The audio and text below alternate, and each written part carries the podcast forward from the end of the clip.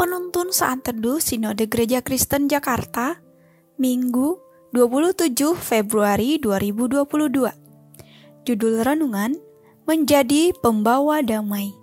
Nats Alkitab terambil di dalam kitab Matius pasal 5 ayat 9. Berbahagialah orang yang membawa damai, karena mereka akan disebut anak-anak Allah.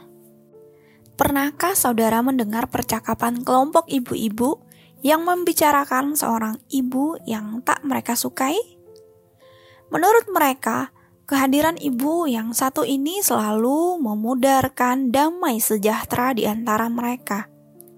Mereka menceritakan pengalaman yang hampir sama, yaitu ketika ibu ini hadir, suasana yang sebelumnya rileks dan menyenangkan bisa berubah jadi penuh pertengkaran. Berdasarkan pengalaman-pengalaman tersebut, mereka menyimpulkan bahwa ibu ini sungguh tidak mencerminkan teladan hidup seorang anak Tuhan. Bayangkan bila hidup kita serupa seperti mereka yang tidak membawa damai kepada orang lain. Kristus sendiri mengatakan bahwa kita akan disebut sebagai anak-anak Allah yang berbahagia pada saat kita menjadi pembawa damai.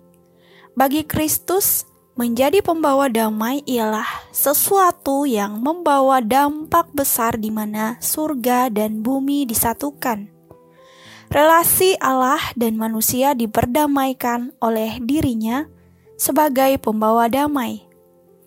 Relasi manusia dengan dirinya dipulihkan relasi manusia dengan sesama dipulihkan. Mengapa orang percaya patut mengerjakan hal ini?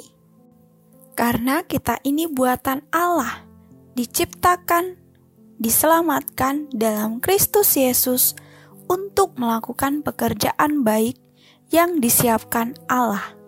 Efesus pasal 2 ayat 10.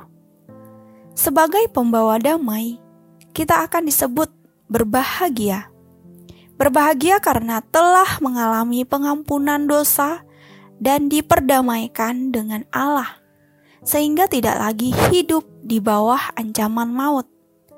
Hanya dengan cara inilah orang percaya dapat menjadi pembawa damai. Saat orang percaya bergerak menjadi pembawa damai, maka ia akan mengalami kebahagiaan yang melebihi tantangan dan kesulitan di hidup ini. Sekalipun besar harga yang harus dibayar sebagai pembawa damai, tapi kita pantas menjadi pembawa damai di keluarga, gereja, dan masyarakat di mana kita berada. Dengan demikian, status kita yang telah percaya dan telah menerima Yesus akan diteguhkan dan dikukuhkan melalui peran kita sebagai pendamai. Yakinlah bahwa Allah akan menambahkan dan melengkapi kebahagiaan kita. Inilah janjinya kepada anak-anaknya yang membawa damai. Janji berkatnya untuk kita nikmati. Kebahagiaan yang melampaui pergumulan hidup ini akan menjadi bagian orang percaya yang hidup sebagai pembawa damai. Amin. Terima kasih, Tuhan Yesus memberkati.